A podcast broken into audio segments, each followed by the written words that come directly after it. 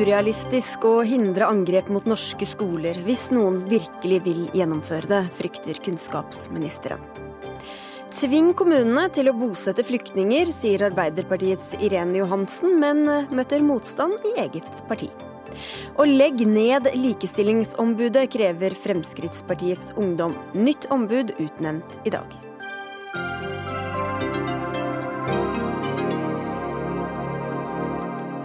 Vel møtt til ukas siste Dagsnytt 18 på NRK P2 og NRK2, hvor vi også skal møte Kim Friele, som gjennom et langt liv som homoaktivist har vunnet mange slag, men som nå står midt oppe i sin kanskje vanskeligste kamp noensinne. Jeg heter Sigrid Solund. Mange lærere, foreldre og barn er redde etter at to mennesker ble drept og to andre såret i et angrep på Kronan skole i Trollhättan, rett nord for Göteborg i Sverige. Og mange tenker nok tanken kan det samme egentlig utenkelige også skje her? Og jeg vil anta at du i hvert fall har lurt på dette, kunnskapsminister Torbjørn Røe Isaksen. Ja, vi ikke bare lurt på det, men vi vet at vi må være beredt på at ting som virker utenkelig kan skje også her. Det er, eh, og det må vi være forberedt på også i skolesektoren og kunnskapssektoren. Eh, så det er grunnen til at eh, lenge før dette så har det vært jobbet med å lage gode beredskapsplaner. Med å bevisstgjøre sektoren om at det som, som du refererte til som utenkelig, faktisk kan bli tenkelig. Men samtidig gjør det på en klok og varsom måte. For det, vi har jo med en sektor her å gjøre som har veldig mange barn det er jo barnehager og skoler vi snakker om. Og Det er viktig at dette gjøres på en klok og nennsom måte, sånn at man ikke skaper unødig frykt blant de som går der. I eh, Oslo eh, er det noen tiltak som er satt i verk. Eh, vi skal høre om dem. Tor Langli, du er innsatsleder ved Oslo politidistrikt. Men først, du ble sikkert også sjokkert som alle andre da du hørte om det som skjedde i Sverige. Men ble du også overrasket rett faglig? Ja, Sverige har jo vært forskåna for den eh, type hendelser. Vi har hatt det i Finland, så vi har hatt det ganske tett på tidligere. Også vært en del episoder i Tyskland. Og det var jo episoden i Finland som uh, gjorde at det ble satt fart på arbeidet spesielt mot, uh, mot skoler også i Norge. I Norge så vi har tenkt noen år nå og mener at vi har kommet ganske langt i forhold til å ha en god beredskap. Hva er det dere har gjort spesifikt i Oslo? Vi ehm, hadde aksjonslederen på Jokela i Finland hos oss, og han fortalte hva som hadde skjedd, skritt for skritt. Og når han forteller at uh, politistyrken på jakt etter gjerningspersonen måtte skritte over ungdommer som blødde, som, uh, som skreik på hjelp fordi de var på jakt etter gjerningspersonen, og sier at det ønska vi aller mest, det var helsepersonell som kunne begynne å jobbe i de sonene vi hadde lagt bak oss. Det tok vi til oss. og begynte å jobbe ut et uh, konsept og, som vi fikk en lokal forankring på her i Oslo, og, og hatt kjørt veldig mange øvelser på det. Nå er um, det også Politidirektoratet og DSB og uh, Helsedirektoratet vært inne og fått, fått med sine personell inn i samme konseptet, slik at vi sammen skal være effektive hvis noe skjer. Det er et varslingssystem og øvelser, men hva er, det, hva er det dette systemet går ut på, da? Det går ut på at vi skal ha en uh, veldig kjapp uh, beredskap. Vi skal uh, kutte ned på den tida vi vanligvis tar for å vente på andre og legge en plan, og så gå inn. Første enhet som kommer fram fra politiet, skal direkte i aksjonsfasen. Vi skal ikke vente på spesialstyrker, vi skal ikke vente på andre politienheter. Og brann og helse får et oppmarsjområde tett oppi området, slik at når vi har søkt ut soner i bygget, og sikrer dem. Så går brann og helse inn og tar seg eventuelle skadde. Eh, brannvesenet hjelper til i forhold til det med bære, eller de har også beredskap i forhold til branner. Og det er jo når det da skjer, og du sier Røe Isaksen, at det er nærmest urealistisk å hindre angrep mot norske skoler hvis noen virkelig har satt seg for å gjennomføre det. Ja, altså det, det, man må jo være varsom når man sier sånne ting. Mitt poeng er ikke å og eh, gjøre at folk blir mer bekymret. For det, det, bør man ikke være. Mitt poeng er at vi må alltid planlegge også for det som kan være sjokkerende, eh, og det som i noen tilfeller kan være utenkelig. Og Det innebærer f.eks., som, eh, som min sidemann her sa, at Politidirektoratet og Utdanningsdirektoratet har nå i flere år jobbet sammen om å heve beredskapsnivået i skolen. Politiet har hatt et eget program siden 2014, hvor målet er at politiet skal ut og snakke med skolen og kunnskapsinstitusjoner om nettopp den type beredskap. Og vi ser også når vi spør skolene, og det gjør vi annethvert år, så ser vi at det er stadig flere skoler. I år så er det 59% av skolene som er spurt, som har hatt kontakt med politiet. Det er 79% av skolene som har utarbeidet eller forbedret beredskapsplaner, og det er da altså stor fremgang fra noen år siden. Så har vi også jobbet sammen med Helsedirektoratet, for de har ansvar for en del forskrifter som har med eh, læringsmiljø og miljørettet helsevern. Og 5. mai i år så sendte vi på høringen nye retningslinjer som innebærer at kommunen eh, og da skolene også skal vurdere det vi kaller altså eh, tilsiktede alvorlige hendelser. Så vi må jobbe på flere fronter, og vi må rett og slett være beredt på på at sånne forferdelige ting kan skje. Og, og, da har dere i politiet også vært litt kritiske til måten, eller hvordan en del nye skoler er utforma på? Ja, det er sånn at hvis man får en alvorlig hendelse hos seg, så det første man skal tenke på, det er flukt. Komme seg unna. Men av og til så kan det være at en gjerningsperson står i veien for den flukten. Og da man ha, må man ha solide steder å gjemme seg. Og solide steder, det er ikke glass. Slik at uh, Hvis vi ser på episoden som var i vindenden i Tyskland, hvor de tok full lockdown på skolen, gjerningsmannen fant ikke flere ofre å ta. Så han dro derfra for å dra til neste sted, hvor politiet rakk å konfrontere en før han kom fram. Så solide dører, solide vegger, er det som skal til. Man bør i hvert fall ha noen sikre soner. Mm. Og ikke mange store glassflater og helt åpne skoler, sånn som vi har sett noen av de siste åra, Røe Isaksen. Men hva gjør dere nasjonalt da, for å liksom ja, altså, Både forebygge og sikre? På, når det gjelder på skolebygg, så er det meg bekjent ingen nasjonale retningslinjer som går i den retning. Eh, det er selvfølgelig retningslinjer for flukt, og at man skal være forberedt på at eh, elevene skal måtte evakuere og den type ting. Men uh, meg bekjent så er det ingen retningslinjer på f.eks. at man ikke skal ha store forsamlingslokaler og sånn. Det jo, vil jo alltid også være en avveining mot Eh, hvordan skal hverdagen i skolen være? Eh, og hvordan skal elevene trives, og hvordan skal man ha en lys og fin og flott skole?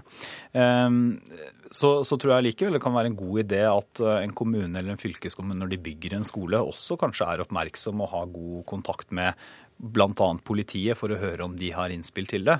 Men jeg mener at det viktigste Det er flere ting som skolene gjør og de må gjøre. Det er noe som handler om forebygging. Eh, det er læringsmiljø, det er antiradikaliseringsarbeid, antiekstremismearbeid. Så er det det tette samarbeidet med politiet, og så er det også å ha beredskapsplaner. Det er viktig. Og der er også regelverket nå, eller forskriftene skjerpet i vår. Vi får si takk skal dere ha begge to for at dere kom, i hvert fall kunnskapsminister Torbjørn Risaksen og innsatsleder ved Oslo politidistrikt Tore Langli. Takk. Dagsnytt 18 alle hverdager klokka 18.00 på NRK P2 og NRK2.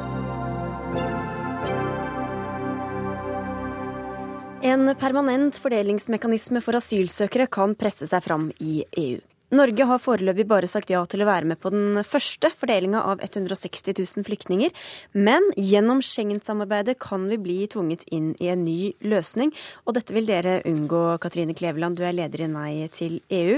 Og dere er veldig for at Norge skal ta sin skjerv, men dere synes ikke løsninga går gjennom EU. Hvorfor ikke? Nei, vi eh, for nei til, I Nei til EU så er solidaritet et hedersord, og vi er veldig opptatt av solidaritet og at vi skal ta imot flyktninger. Men vi liker dårlig at statsråd Vidar Helgesen benytter eh, flyktningkrisa nå til å nærme seg enda mer EU. Og i Klassekampen for to dager siden så gikk han enda, nærme, enda lenger ut og sier at eh, vi må tilknytte oss mer EU-systemet. Vi mener at Norge bør avgjøre på egen hånd hvilke, hvor mange flyktninger vi skal ha her, og liker ikke at vi benytter eh, dette til å knytte oss nærmere et EU som nordmenn har sagt nei til å være med to ganger, og som det er flertall med at vi skal være med i. Ja.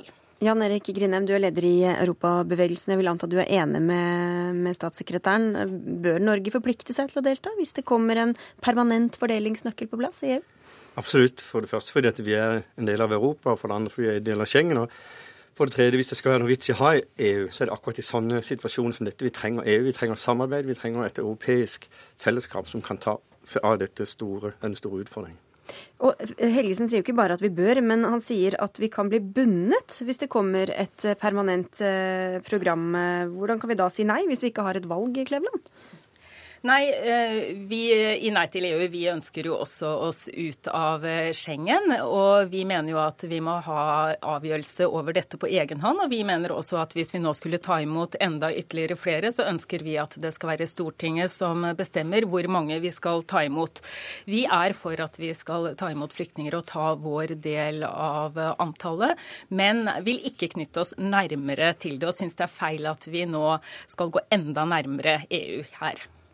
Men nå er, vi, nå er, vi, jo del av Schengen, da. Så, det, ja, vi, så hvis vi, vi ikke kan eh, Schengen nå. Og vi, vi, støtter jo de signalene om å ta vår del der, men vi liker ikke det som Helgesen går ut og sier nå, at vi skal, eh, at vi skal knytte oss enda nærmere og love enda mer. Men hvis vi ikke har noe valg, da? Hva gjør vi da? Vi, vi, må jo ta imot de vi har nå, men, eh, og, men vi ønsker ikke at vi, eh, at, vi skal, eh, at vi, skal, gå ytterligere inn. Vi gjør ikke det. Mm. Nei, men Er du enig? Er det sånn at vi ikke har, har vi noe valg, eller har vi ikke noe valg? Jeg vil at Vi er bundet av Schengen og Dublin-avtalen, og, og dette handler ikke om medlemskapsdebatt. Jeg tror ikke Helgesen tenkte på å ta opp dette som medlemskapsdebatt. Det handler om å stå opp for de forpliktelser vi har. Og jeg syns også det er et ansvar vi har, et moralsk ansvar. Kom litt nærmere mikrofonen, er du greit, bare. Men eh, fordi eh, Du sier det er et moralsk ansvar, men hvor godt fungerer det EU-systemet som, som, er lagt opp til nå, da, med, med tanke på den fordelingen av flyktninger? Nei, Det fungerer altfor dårlig, og det er veldig tragisk at ikke EU har hatt dette på plass før. men en ventet kanskje ikke at det skulle bli så store utfordringer som det er blitt, men her må EU få et mye bedre system på plass, ikke minst for å hjelpe de landene som er i sør og i øst, som da tar imot de største mengden av mennesker som ønsker å komme hit. Og det er jo også Vi, vi også syns jo at flyktningkrisa er større enn EU. Her må vi ha utover EU til å være med på å løse denne store konflikten. Og vi mener jo at det er FN-systemet, kvoteflyktningsystemet via FN, som må være med på å bestemme her hvordan vi skal løse det. Det er De nordafrikanske landene må inn, Tyrkia må inn. Det, vi har jo sett at EU ikke klarer å løse dette ved at de, de går på Det sprekker jo ved et Angela Merkel som ønsker flere flyktninger inn, og Ungarn og de andre landene som ikke vil. Så EU sliter jo her på og viser det, og da vi, mener vi at eh, vi må ha et større system. Vi må, bruke, eh, vi må bruke FN, og vi må ha en topplederkonferanse. Og det er da vi sier at eh, vi ønsker at vi skal ha nasjonal handlerett til å bestemme over egne grenser. Problemet er jo at her står det jo mennesker på døren. og Da kan du snakke om toppkonferanser og internasjonalt samarbeid. Selvfølgelig, Det vi må gjøre noe med, er jo årsakene til at folk flykter fra fattigdom og krig og fundamentalisme. Mm. Men når de først kommer her, så må vi ta imot dem med åpne armer. Vi må hjelpe dem, og vi må gjøre det nå. Og da, Når du sier at dere vil være solidariske, altså hvorfor er det viktigere med vår suverenitet enn å, enn å være en del av det systemet som faktisk prøver å gjøre noe med dette, da? Mm. Tross alt. Det handler jo nå om at når vi ønsker nasjonal eh, handlerett, så er det jo ikke bare flyktningsaken. Eh, Nei til EU ønsker jo nasjonal handlerett i alle saker. Samtidig så sier vi at vi ønsker å være solidariske og ønsker å ta imot flyktninger, men vi liker ikke Helgesen som nå går ut og mener at vi skal knytte oss nærmere inn til et system.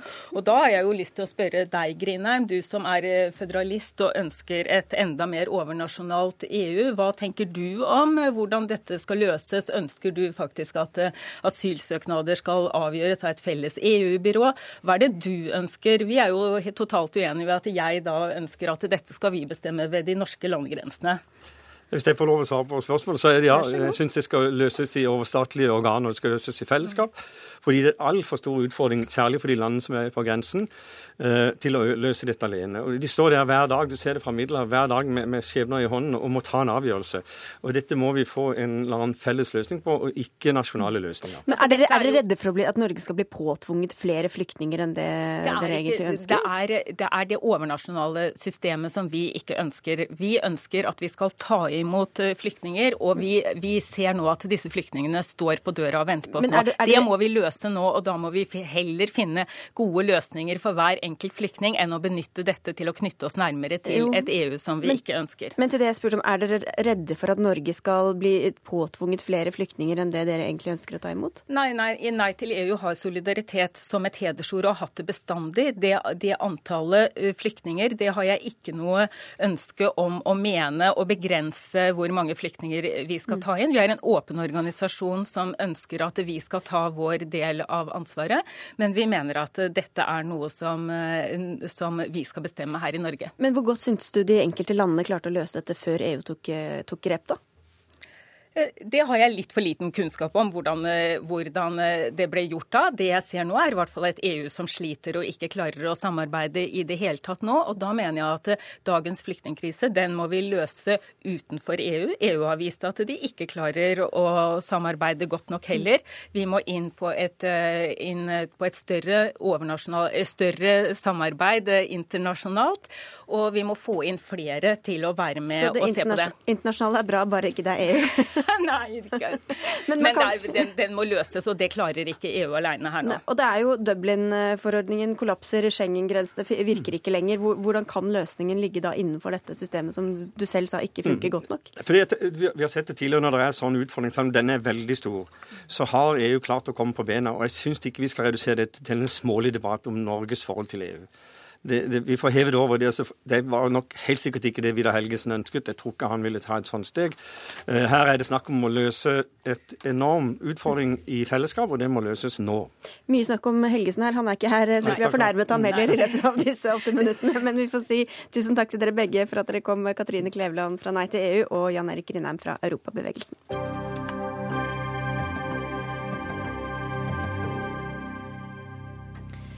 Det nye byrådet i Oslo vil hindre kommersielle selskaper å bygge og drive barnehager i Oslo. Nye barnehager. Eller vil de det? I Dagens Næringsliv åpner den nye kunnskapsbyråden døra på gløtt for Norges fjerde største private barnehagekonsern, Espira. Men bare dersom Espira endrer statuttene sine. Og hvilke statutter snakker du om da, Tone Telvikdal, du er byråd for kunnskap og utdanning i Oslo?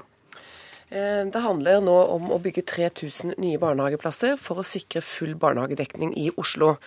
Da inviterer vi på en kjempedugnad.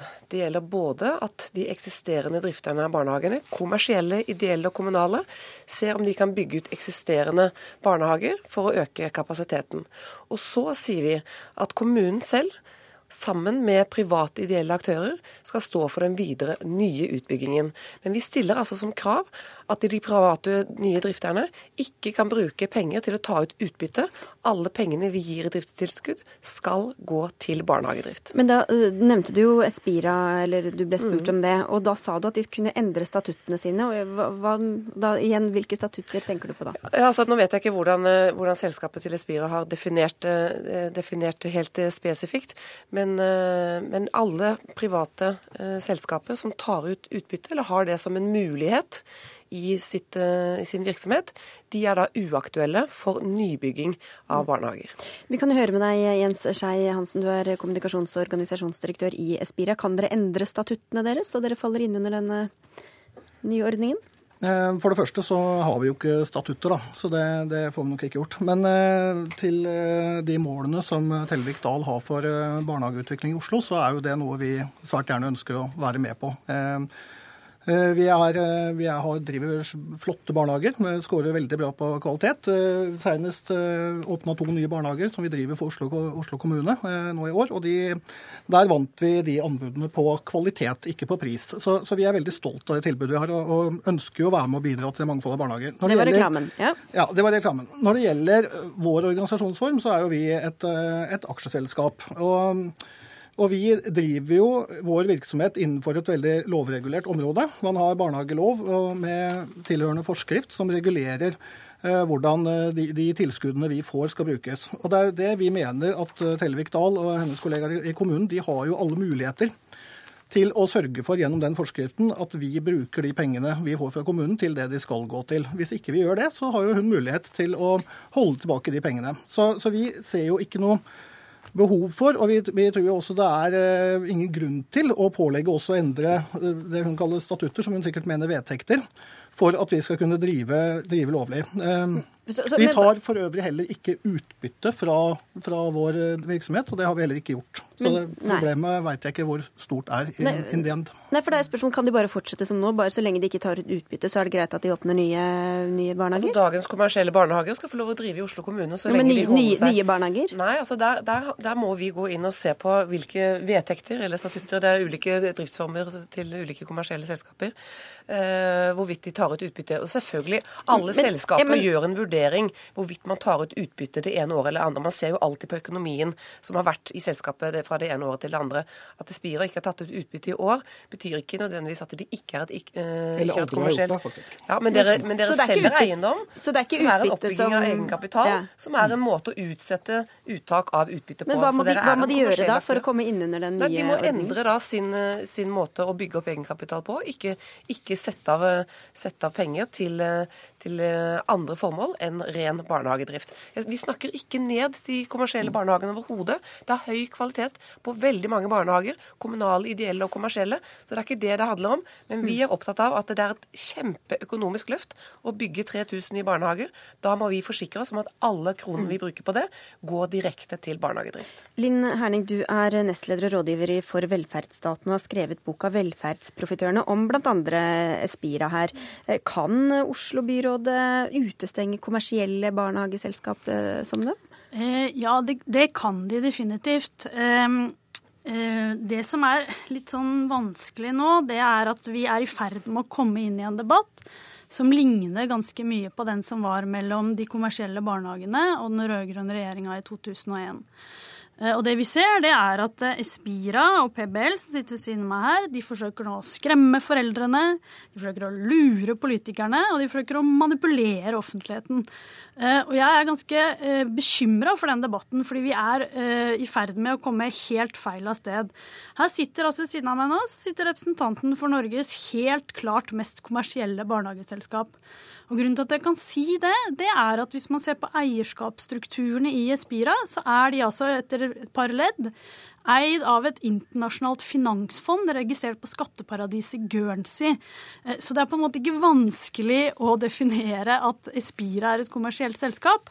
Men denne debatten handler ikke om utbytte, den handler om et helhetlig syn på privat profitt. Men er det der da, pengene som skulle gått til barna, havner på Guernsey? I eh, Nei, dype lommer? Nei, det er det jo selvfølgelig overhodet ikke. Og, og, de pengene som eh, vi får fra tilskudd eh, fra f.eks. Oslo kommune, der vi allerede driver barnehager, hva de pengene skal gå til, det har jo myndighetene fastsatt i en forskrift med Tone Telvik Dahls parti i regjering den gangen. Og er, Den forskriften ble også skjerpa inn i 2011. Sånn at uh, Man har jo gode verktøy fra kommunens side til å sikre at de pengene går til det de skal til. Og Hvis, hvis ikke de gjør det, så har Tone Telvik Dahl mulighet til å holde igjen det tilskuddet. Men nå lurer jeg litt på hvordan dette nye systemet egentlig skal fungere. Jeg vet ikke, Du har sikkert din versjon. Uh, Jørn Tommy Schjelderup, du er viseadministrerende direktør i private, private barnehagers landsforbund. Kan man gjøre om f.eks. Espira til å bli falle innunder den, de nye, altså de ideelle organisasjonene som skal få bygge nye barnehager? Byråden kan jo alltids be selskapene om å gjøre det, men har jo ikke noe myndighet til å gjøre det. Så eh, det vil jo, det, det vil jo ikke i praksis ikke skje, da. Så, eh, så, det som er litt spesielt med det her, det er jo at ved, siden av her så sitter en representant som ikke ønsker uh, private barnehager her. Det, det, herning. Ja, ja, det er herning. Og så, og så er det sånn, I, i barnehageloven så skiller man jo ikke med hvilken selskapsform man har. sånn sett. Ja, Der er det bare private eller offentlige ja, barnehager. Det er ikke så, noe som heter ideelle. Så det er ikke regulatorisk ja. inndelt i de forskjellige selskapsformer. sånn sett. Så det er, Og så er det jo eh, den rød-grønne regjeringa som, eh, som, jeg har snakka med da, ettersom jeg har jobba i PBL siden 2001, så er det jo sånn at vi, vi, ville jo ikke ha dette, dette finansieringssystemet som er i dag. Vi, vi ville slett ikke ha det. Vi vi ville, ha eh, rett og slett kvalitetskrav allerede den gangen. Eh, og det er jo det som er litt av problemet. Eh, Herning har jo også påstått at vi ville ha dagens finansieringssystem. Det er jo helt feil. Vi vil ha statlig øremerket tilskudd, vi vil ha kvalitetskrav. Vi vil at de foreldreundersøkelsene som er i dag, faktisk skal bety noe i forhold til at man faktisk har levert en god kvalitet i barnehagene. Og det som er i dag, det er rett og slett sånn at hvis vi skal bygge 3000 nye barnehageplasser i Oslo, så det de gjør nå, det er å invitere bare noen ganske få da, på private, private, barnehager eh, til å være med på dette her. De som har bygd opp eh, Barnehage-Norge i dag, som Herning ikke snakker om, det er jo alle disse kvinnelige gründerne, disse barnehagelærerne som faktisk har stått på. Eh, og så er det et faktum at rød-grønn regjering de har vedtatt regelverket om utbytte, som også er nevnt i avtalen med Rødt på punkt. så det, det, kan man praktisere etter, og alle følger lover og regler. Så vi ser ikke helt problemet. Nei. Men da, jeg, jeg, lurer da på hvordan dere skal forholde dere da f.eks. til Espira framover. Hvis de sier sånn vi skal ikke ta ut utbytte, er det greit da? Nei, nå har jeg bestilt faktisk en juridisk betenkning, fordi det står også i avtalen vi har med Rødt om at vi skal selvfølgelig eh, forsikre oss om at, eh, at eh, skillet mellom eh, private ideelle og private kommersielle blir eh, tydelig og er innenfor lovens regler og forskrifter. Så før vi igangsetter eventuelt tilskudd til nye private aktører, så må vi få på plass jussen, så at vi er helt sikre så, på definisjonen. Så dere har inngått en avtale uten å sjekke med jussen først? Vi mener faktisk at det er mulig å, å skille mellom private ideelle og private kommersielle, men siden PBL og andre eh, private barnehagedriftere stiller, eh, stiller spørsmål spørsmålstegn ved det, så er det min oppgave å sørge for at vi er helt trygge på eh, definisjonen og hvilke kriterier vi skal legge til grunn, før vi da går ut og gir nye tilskudd til nye barnehager. Fordi En annen ting som det er vel litt diffust, er dette kravet om like lønns- og arbeidsvilkår uh, som dere krever. Mm. Altså at det skal være det samme for det offentlige og de private. Mm. Og en krav om bemanningsnorm. Er det, har dere sjekket om det er innenfor lovverket? Det er uh, mulig. Vi kan ikke pålegge en bestemt form for pensjon eller en bestemt form for tariffavtale, men det skal være mest mulig likebehandling. Uh, og det er det flere kommuner som har lagt inn i sine, sine eh, planer for fremtidige eh, tilskudd til private aktører. Er det, Henning, Herning, er du enig i at dette er innenfor lovverket? Ja, altså, eh, PBL sier at, og Spira sier at barnehage er en gjennomregulert sektor, og det er det faktisk ikke. For barnehageloven er veldig svak sånn som den står i dag, og det er dessverre veldig begrensa hvor mye en kommune kan kreve av de private barnehagene utover hva som står i lovverket. Eh, og så står det jo noe om likeverdige vilkår, eh, og det er ikke helt godt å si eh, hva det går ut på. Jeg syns det er kjempepositivt at det nye styret i Oslo ønsker å teste ut dette og finne ut hvor mye man kan kreve. Jeg er litt redd for at på en del av de tingene de har satt fram, så vil de møte problemet med dagens barnehagelov, men da kan vi jo bare håpe at de går inn for å endre det fram mot 2017. For en av grunnene til at disse pengene ender opp på Guernsey, da, er vel at de ansatte kanskje ikke får like godt betalt som i det kommunale, eller at det, ikke er like mange ansatte? Det eller? avviser jeg totalt. Altså, dette er jo, Jeg opprettholder min eh, påstand med at dette er en gjennomregulert eh, sektor. Når det kommer til lønns- og arbeidsvilkår for de ansatte, så er det jo sånn at de aller fleste aktørene, eh, herunder alle Espira-barnehagene, har jo tariffavtaler som er inngått med PBL på den ene sida og Fagforbundet og Utdanningsforbundet på den andre sida. Og dette er jo en god norsk tradisjon, at man da partene i en bransje framforhandle lønns- og arbeidsvilkår. Jeg har aldri, hørt tidligere fra Arbeiderpartiet si at man, at man ønsker en form for offentlig oppnevnt lønnspolitikk som går på bekostning av det, av det partene bestemmer seg for. Så, så det, det, det, å ha ordna lønns- og arbeidsvilkår betyr jo i Norge å ha en tariffavtale og forholde seg til den. Mm. Og Hvordan ser dere i private barnehager ja, Det er litt ironisk der, for at uh, Oslo kommune og KS uh, har jo nettopp uh, i en høring sagt nei til en ny finansieringsmodell, som faktisk ville ha beregna et tilskudd ut ifra reell bemanning i kommunale barnehager. Det har de sagt nei til. Og Der har også vi i den høringa sagt at da må det være avkorting også for de som eventuelt private barnehager som ikke har pensjonsutgifter. Eh, og det er jo det som er litt av det som er helt siden 1996, når første hoved- og hovedtariffavtalen kom eh, i PBL-regi. Eh, så, så, har jo alle våre barnehager har, har gode lønns- og arbeidsvilkår og pensjonsavtaler. Og det er klart at det, det man sier nå, er at man skal, man skal faktisk man skal ha bemanningskrav i, fra kommunens side, og så spør man hvordan vet dere at barnehagene klarer det? Ja, helt kort til eh, Spira her. Nei, jeg vil bare si at Siden barnehageforliket i 2003 så har jo Spira vært en del av løsningen for å, for å bygge nok barnehageplasser. Jeg tror vi var ferdig med reklamen. Det ønsker vi å være i fortsettelsen også. Så vi ønsker en god dialog med Tellevik Dahl og hennes uh, andre Ok, Slippe til Herning helt til slutt. Ja, altså Ispira forvalter nå godt over en milliard av skattekronene.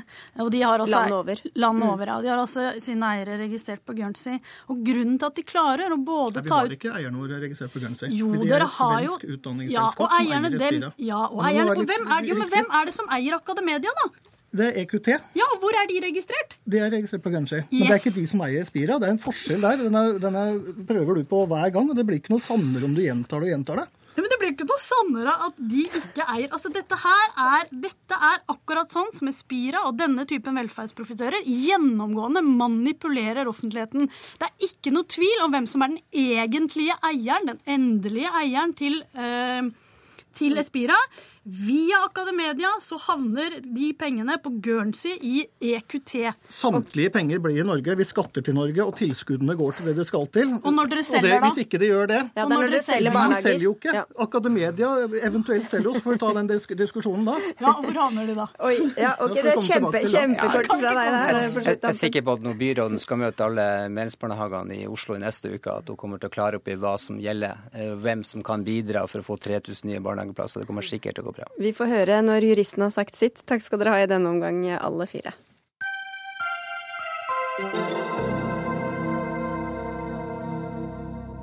Mens eh, tusenvis av asylsøkere som vi har vært innom tidligere i sendinga, kommer til Norge, sitter allerede flere enn 5000 mennesker med oppholdstillatelse på norske mottak og venter på å få et sted å bo og begynne livet, livene sine her.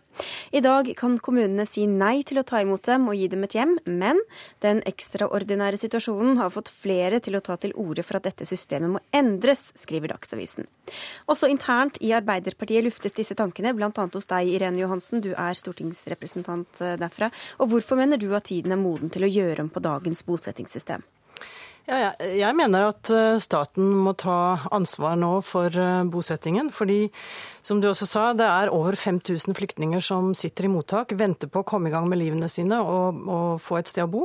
Eh, Vi ser den store flyktningetilstrømmingen eh, som er nå, og da kommer det enda flere som eh, kommer inn på mottak først og skal ha et sted å bo. og Derfor så mener jeg det er viktig at vi nå får en annen måte å gjøre det her på, fordi den måten vi har gjort det hittil, den fungerer ikke. Og spesielt syns jeg det er viktig å si at når vi som land har påtatt oss en forpliktelse og sagt ja til ta imot flyktninger og gitt de oppholdstillatelse, ja, så mener jeg at det er en forpliktelse vi må følge helt ut. Og da kan ikke kommunene ha vetorett og si nei til bosetting. Og dette har jo Arbeiderpartiet eh, tidligere vært med på, dette dagens system, men nå er dette en altså, diskusjon internt hos dere. Ja, det er det. Jeg må understreke at Arbeiderpartiet ikke har konkludert i det her. Men min mening er at vi må gjøre om på dagens system, fordi vi ser, vi ser nå at det ikke fungerer. Og eh, ja. Helge André Njåstad, du er leder av kommunalkomiteen på Stortinget for Fremskrittspartiet. Er, det, er dette også en debatt internt hos dere? Nei, på ingen måte. Fremskrittspartiet er veldig klar på at vi har tillit til at lokalpolitikerne vet best hva som er best for hver enkelt kommune.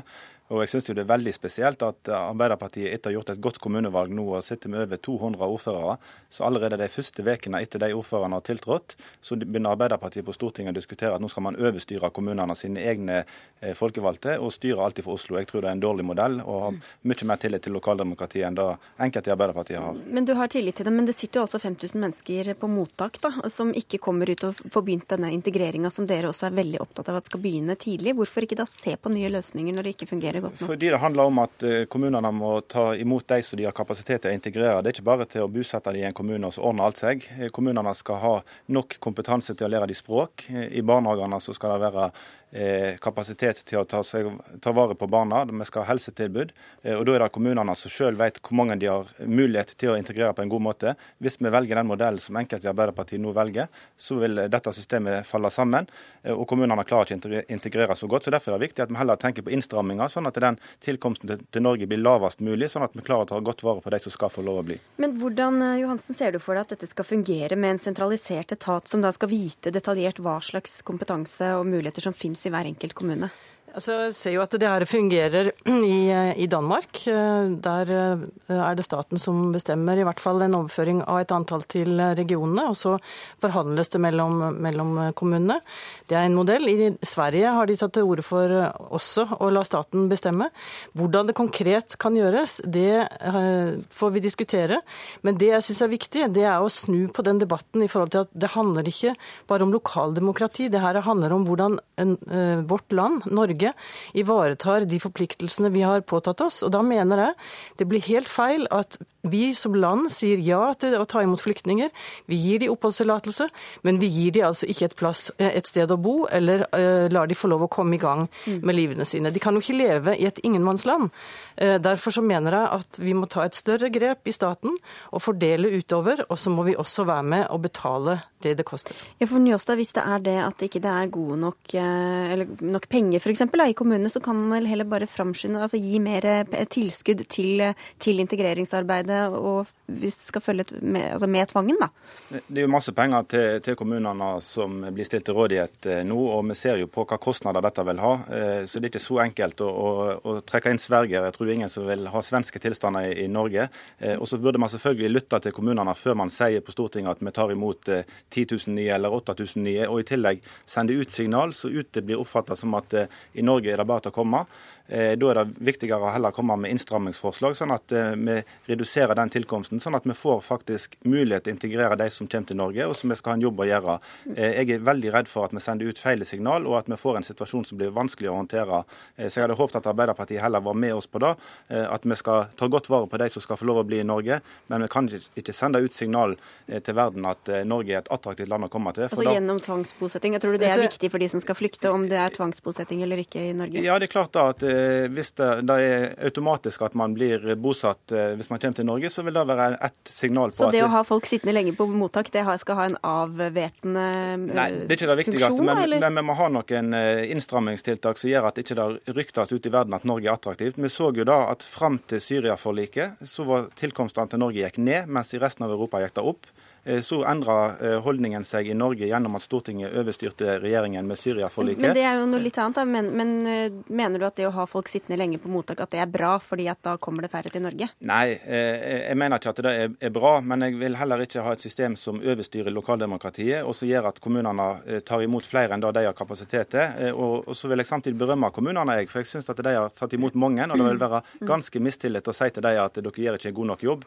Og det er veldig spesielt at Arbeiderpartiet, som sitter med 200 200 ordførere, er det første partiet som nå tar til orde for tvangsbosetting. Ja, dere kunne jo tenkt dette høyt for et par uker siden da, Johansen? Det er aldri for seint å tenke seg om. Og det jeg sier, det er at når vi ser at det systemet vi har hatt over lang tid, og som vi har stått bak, eh, ikke fungerer, så må vi ha lov til å tenke nytt og se på hvordan kan vi gjøre det nå. Og når statsministeren og integreringsministeren oppfordrer kommunene til å være med på en dugnad, og vi ser at det, den oppfordringen eh, ikke fungerer, de har fått noe respons, men fortsatt så sitter det altså over 5000 i mottak som har sittet der over lang tid, ja, så tenker jeg at da må vi gjøre noe. Jeg tar ikke til orde for at vi skal ta imot flere flyktninger. Og jeg syns jo det er svært betenkelig hvis det her er et tiltak for å, å avverge at det kommer flere, at vi skal ha de sittende, sittende i mottak. Det vil jeg ta sterkt av, avstand fra. Jo, det var ikke det jeg sa heller. Men, ja, men, men indirekte så gjorde du det. Og nei, det, det, jeg bare vil det, presisere, det er at vi har et ansvar som land. Når vi sier ja til å ta imot flyktninger, så, så må vi også ta vare på de som kommer hit. Vi må sørge for at de kommer i gang med livene sine og ikke blir sittende på mottak. Men hvordan skal det gå med den integreringa hvis hvis, eh, hvis, eh, kommunen får masse flyktninger de ikke har lyst på, inn i et samfunn som ikke er klar for å ta imot dem, og de kanskje merker det selv også, de som kommer? Jeg tenker at uh, det er ikke en kommune som sier nei, men det er enkeltmennesker som sier nei. Og jeg er sikker på at kommunene vil ta en sånn utfordring, som de allerede har gjort. De har, som Njåstad også sier, tatt imot veldig mange. Det er et godt integreringsapparat i kommunene, men det er klart, vi må se på hele apparatet her, om det er mer vi kan gjøre. Og staten må være med og bidra med med penger. Og til slutt så skal det jo ende opp i en kommune uansett. Da. Så hva er liksom vitsen med å la dem sittende der, bli sittende der og holde alt på vent? Respekt for at kommunene har behov for å levere tjenester. Det er ikke bare til å bosette dem. De skal ha jobb, de skal lære seg språk, eh, barnehager, helsetilbud. Alt skal være på plass. Eh, og da er det kommunene som vet hva de har kapasitet til. Men dette kommer de jo i gang med, bare de får lov til å komme ut av mottakene, få et sted å bo, og, så får de også uh, jobb. Og, og jeg er sikker på at mange av de kan klare å skaffe seg det her nå er kommunene motivert, og de sier ja til å ta imot mange. Hvis Arbeiderpartiet vinner fram med tvang, så vil eh, kommunene føle at nå blir de tvunget til noe, og ikke gjøre det fordi de syns det er riktig. Helt avslutningsvis er eh, Irene Johansen fra Arbeiderpartiet. Det er ikke bare Njåstad som må overbevises. Du skal jo få ditt eget parti med på dette også. Hva er sjansene for det, tror du? Det er i hvert fall en diskusjon vi har starta, så får vi se hva det blir. Konklusjonen kommer i hvert fall eh, om litt. Takk skal dere ha begge to, Irene Johansen fra Arbeiderpartiet og Helge André Njåstad fra Fremskrittspartiet. Hør Dagsnytt 18 når du vil. Radio NRK Radio.nrk.no.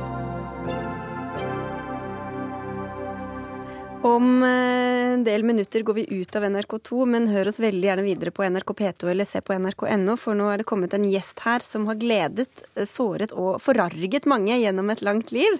Gjennom kamp mot overgrep, kamp mot kriminalisering, mot sykeliggjøring og mot diskriminering, og kamp for rettigheter og bedre vilkår for homofile. Du har gått fra kamp til kamp, eh, Kim Friele, og kommet seirende ut av mange av dem. Velkommen til Dagsnytt 18. Takk skal du ha.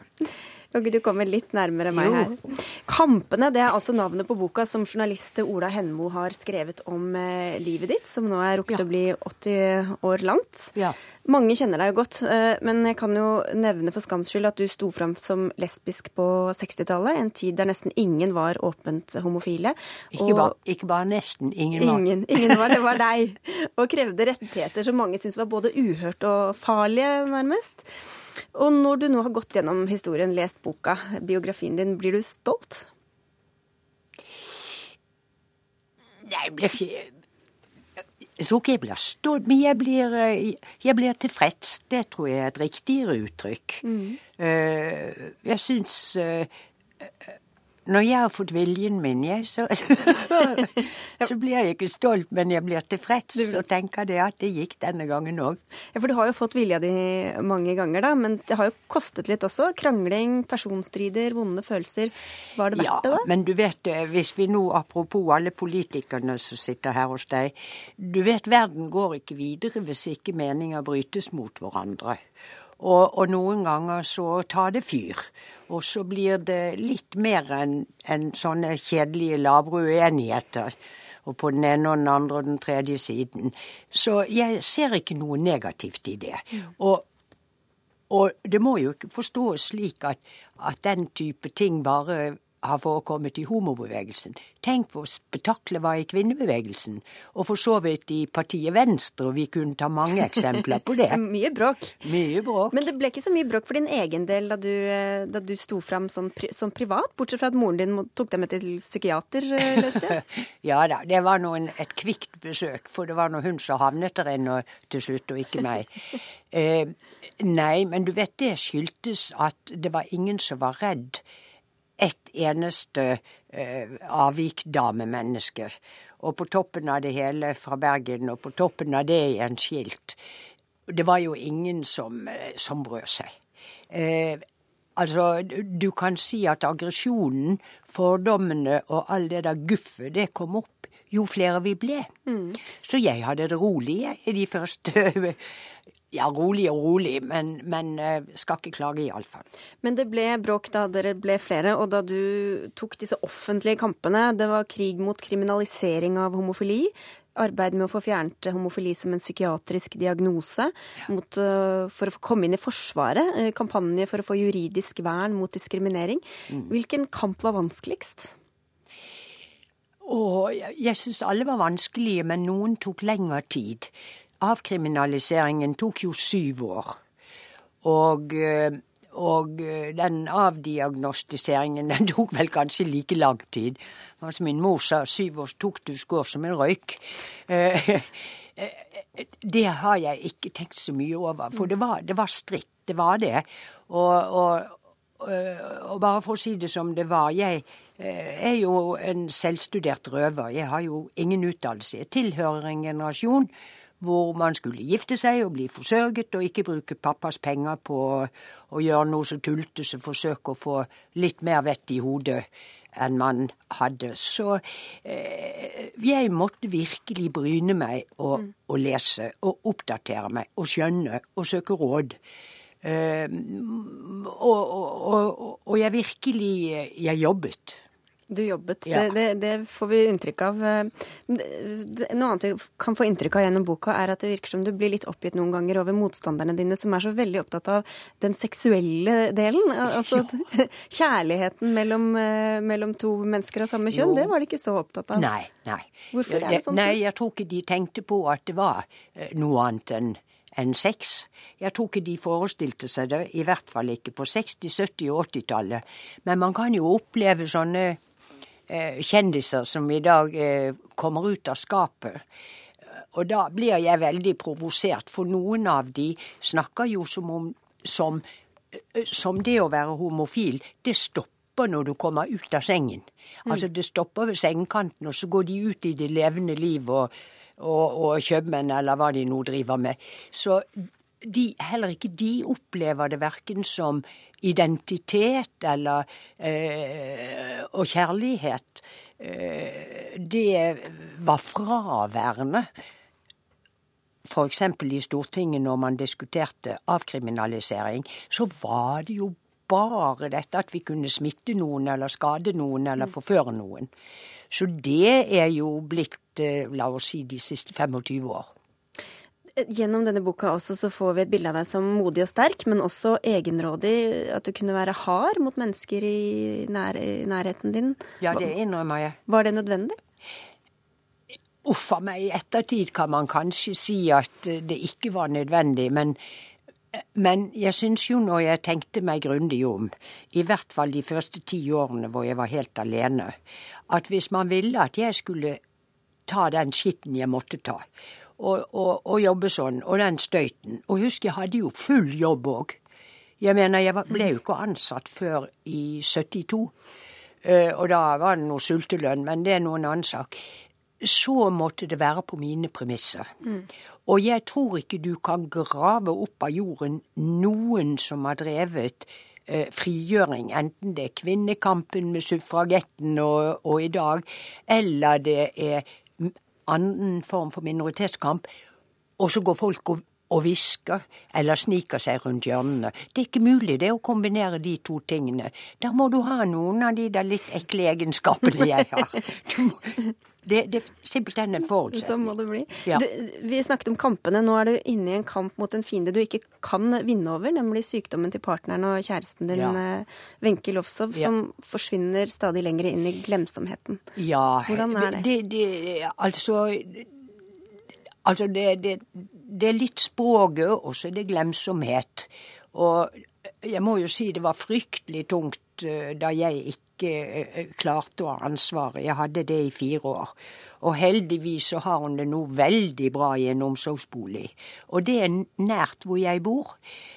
Men det, jeg har jo fått livet snudd på hodet. Hun har fått det snudd på hodet. Og jeg har fått det snudd på hodet. Eh, Det største savnet er kanskje nå at eh, det er litt vanskelig å dele gamle minner og mimre og, og, og, og jeg erkjenner at vi sannsynligvis ikke kommer til å oppleve så mange nye sammen heller. Eh, der har nok jeg vist en side av meg selv som ikke har vært verken motig eller biskt eller noe som helst. Eh, jeg syns det har vært tungt. Men, men sykdom er en del av livet. Og, og vi kan snakke åpent om alt. Og jeg savner henne, det er klart, men jeg går og besøker henne hver dag. Vi går lange turer. Og, og humøret er på topp. Må bare ikke tro vi har mistet humøret. Men det, det er jo noe helt nytt. Hun gråter i boka og sier at det er vondt å miste deg selv. Ja. Og det, sånt er veldig vondt. Og, og det er riktig det at husken er dårlige, dårlig, men jeg sier det. Ja, men kjære deg, spiller noen rolle om du ikke husker hva du spiste til middag i går? Du har jo spist det. Fordøyd det. Det er jo ikke nødvendig å skulle huske det.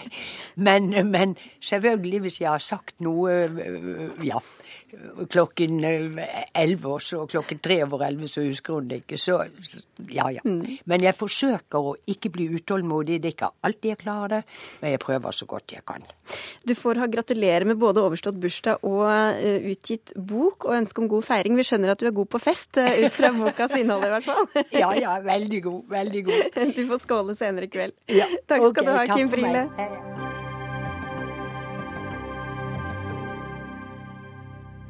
Tidligere ville hun legge ned hele ordninga, men i dag hyllet barne- og likestillingsminister Solveig Horne det nye likestillingsombudet. Hun kommer fra stillinga som spesialrådgiver i Klima- og miljødepartementet. Tidligere har hun vært bl.a. arbeidsminister for Arbeiderpartiet. Men nå blir det altså nytt likestillingsombud. Hanne Bjørsum, gratulerer. Tusen takk. Jeg er veldig glad for at jeg har blitt eh, utnevnt til denne viktige jobben i dag. Ja, hva er det viktigste for deg å få gjort i den nye jobben? Eh, nå må jeg først eh, komme inn i jobben. Nå skal jeg ha klima, klimaforhandlinger opp mot Paris. Og så skal jeg snakke med mine nye kolleger. Men eh, jeg er eh, veldig opptatt av å få løftet fram hele bredden i, denne, eh, i dette ombudets arbeidsområde. Ikke bare kjønnslikestillingen som mange forbinder med, med, dette ombudet, men også alle de andre gruppene som er, innenfor, altså som er mitt mandat i forhold til diskriminering og likestilling. For litt siden la likestillingsminister Solveig Horne fram en likestillingsmelding som av Arbeiderpartiet ble beskrevet som totalt uten kraftfulle tiltak, og ifølge Venstre var den så dårlig at den ikke burde vært skrevet. Du har vel vært innom den, vil jeg tro. Hva syns du om den? Jeg skal vente litt med å uttale meg om den. Eh, jeg skal love å være en vaktbikkje for de interessene jeg er satt til å verne. Eh, men jeg vil sette meg ordentlig inn i den først, og så vil jeg tenke hva er den klokeste måten å håndtere det på. Jeg kommer til å være veldig opptatt av at jeg skal få til endringer. Noen ganger så betyr det å gå hardt ut og refse det som sittende regjering, politikere ellers mener. Andre ganger er det klokere å gå i dialog. Og jeg er rett og slett ikke der nå hvor jeg vil eh, dele ut noen karakterer ennå til den meldingen. Ikke hetse sånn på første dag? Nei, jeg tror, er, jeg tror, ikke det er, måten å få gjort noen ting på. Men du har altså, som jeg nevnte, vært politiker for Arbeiderpartiet. Ombudet har vært anklaget for å ha en venstrevridd tilnærming til eh, likestillingsfeltet. Er du enig i det?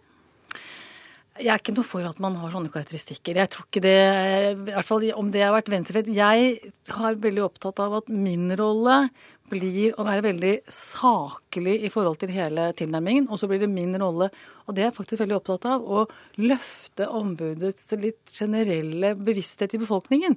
Vi, vi, vi, lever der hvor folk tror at alt er egentlig ganske på stell i Norge. Det er det ikke. Og den bevisstheten må vi få. Da er det viktig at man ikke kommer, en, at man ikke kommer dit hvor noen mener man er venstre- eller høyrevridd, for da når man ikke fram til det man skal nå fram til. Men med den uh, ballasten du har, hvordan skal du unngå å bli tolket inn i en sånn partipolitisk eh, ramme, da? Jeg syns ikke det er en belastning, da. Det er ballast, sa jeg. ja, unnskyld. unnskyld. Eh, jeg tror faktisk Altså nå er jeg blitt utnevnt av denne regjeringen, eh, og jeg tror at folk vil forholde seg til hva jeg sier og mener, mm. og ikke til at jeg har en bakgrunn fra Arbeiderpartiet. Og det er fortsatt behov for et likestillingsombud i Norge i dag? Det er definitivt et behov for det. Det syns ikke du, Atle Simonsen. Du er leder i Fremskrittspartiets uh, Ungdom. Dere vil fjerne denne institusjonen. Hvorfor det? Først og fremst fordi at det der finnes eh, bedre måter å bruke 50 millioner kroner og 60 eh, offentlige årsverk på. Men vi mener at dette ombudet gjør eh, mer skade enn det egentlig gjør gagn.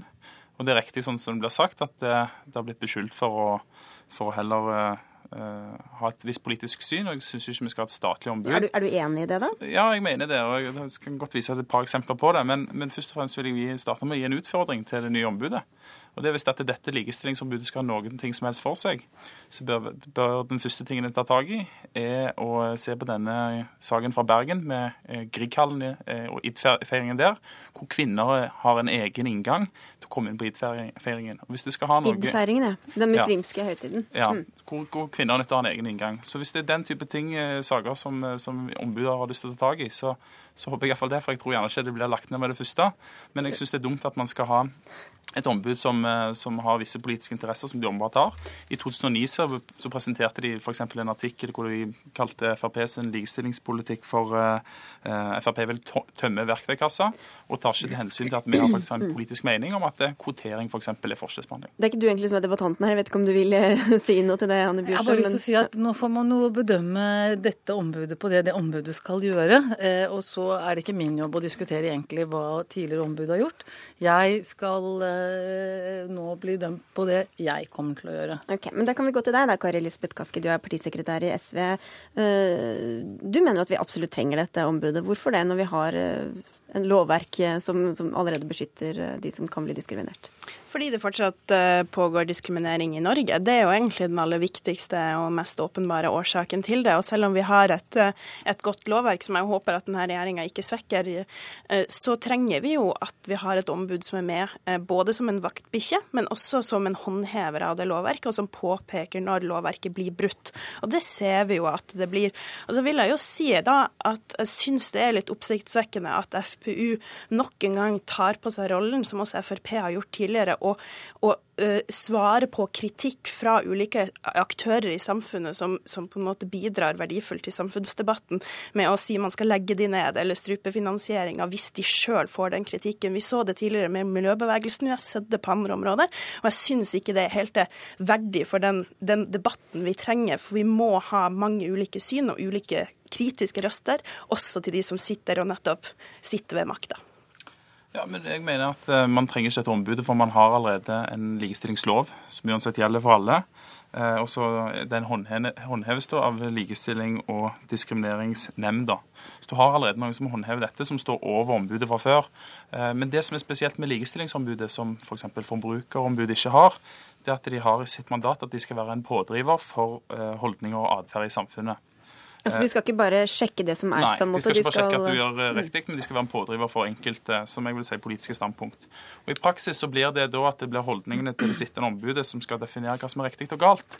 Og Det er et sånt ombud jeg mener vi ikke trenger. og Jeg, jeg håper jo at det, eh, det nye ombudet kan respektere f.eks. at eh, i Frp så har vi en likestillingspolitikk, men vi mener at den handler om, om like muligheter og ikke nødvendigvis like resultater. og Det er jo der vi òg er uenige. Ja, Kaski, ser du at det kan oppfattes at det har en slags politisk slagside? Jeg tror det er veldig viktig at politikerne ikke legger nettopp partipolitisk press på det ombudet ut ifra hva vi mener. Hvor ofte er dere enige med det de kommer frem til? Altså, der, si vi sånn? eh, satt jo med den ministerposten i, i, regjering, og vi har jobba mye med det feltet. Og vi har fått mye kjeft, mye kritikk også fra ombud, og det er jo bra. Jeg var sjøl i en debatt eh, i høst der jeg fikk mye kjeft fra Sunniva Ørstavik, eh, som er dagens eh, ombud. Og det er jo helt nødvendig at vi har den type eh, nøytrale aktører som jeg mener at det er, som nettopp eh, kommer med både kritikk, men også mye saklig eh, og gode forslag. Fordi vi vet jo, ikke sant, tallene og faktaene er helt klare her. Vi ser at det er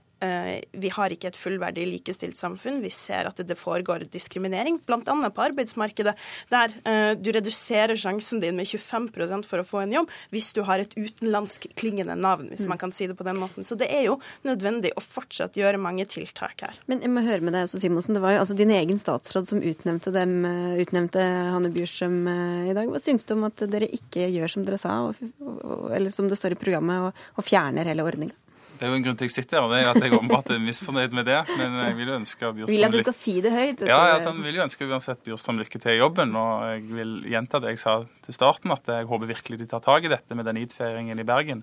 For det at kvinner skal ha en egen inngang til et offentlig til og med konserthus Da vil du ha et ombud da, hvis, ikke... det det, hvis, det er det de tar tak i, eller? Nei, jeg vil helst legge det ned, men hvis en skal ta tak i noe, så bør en begynne med det. For nå er vi i 2015 og ikke 1815. Og det er gjerne den likestillingskampen jeg heller savner fra venstresida. Eh, framfor å diskutere små ting som kvotering eller hvor mange kvinner det skal være i styrene.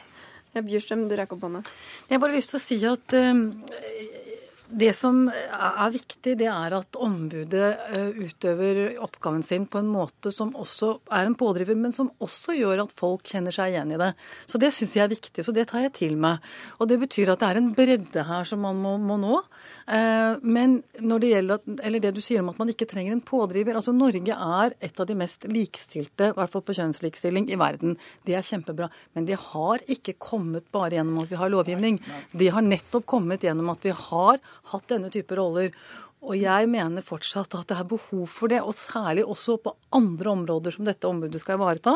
Så så tror jeg nesten alle kan være enige om at vi har en vei å gå. Ja, men Du hadde jo full mulighet, og SV og Ap har hatt full mulighet til å påvirke og være en pådriver i politikken, som politikere som politiske partier, og ta av disse sakene. Og det gjør en òg, selv om vi har ulike likestillingspolitikk. Så jeg mener heller at det er sånn man kan være en pådriver for disse tingene, og ikke ha en egen offentlig stilling og et offentlig kontor med 60 ansatte mennesker som skal være en pådriver pådriver for en viss form for likestillingspolitikk, mm. eh, som er da bestemt i bunn og grunn av ombudet sjøl.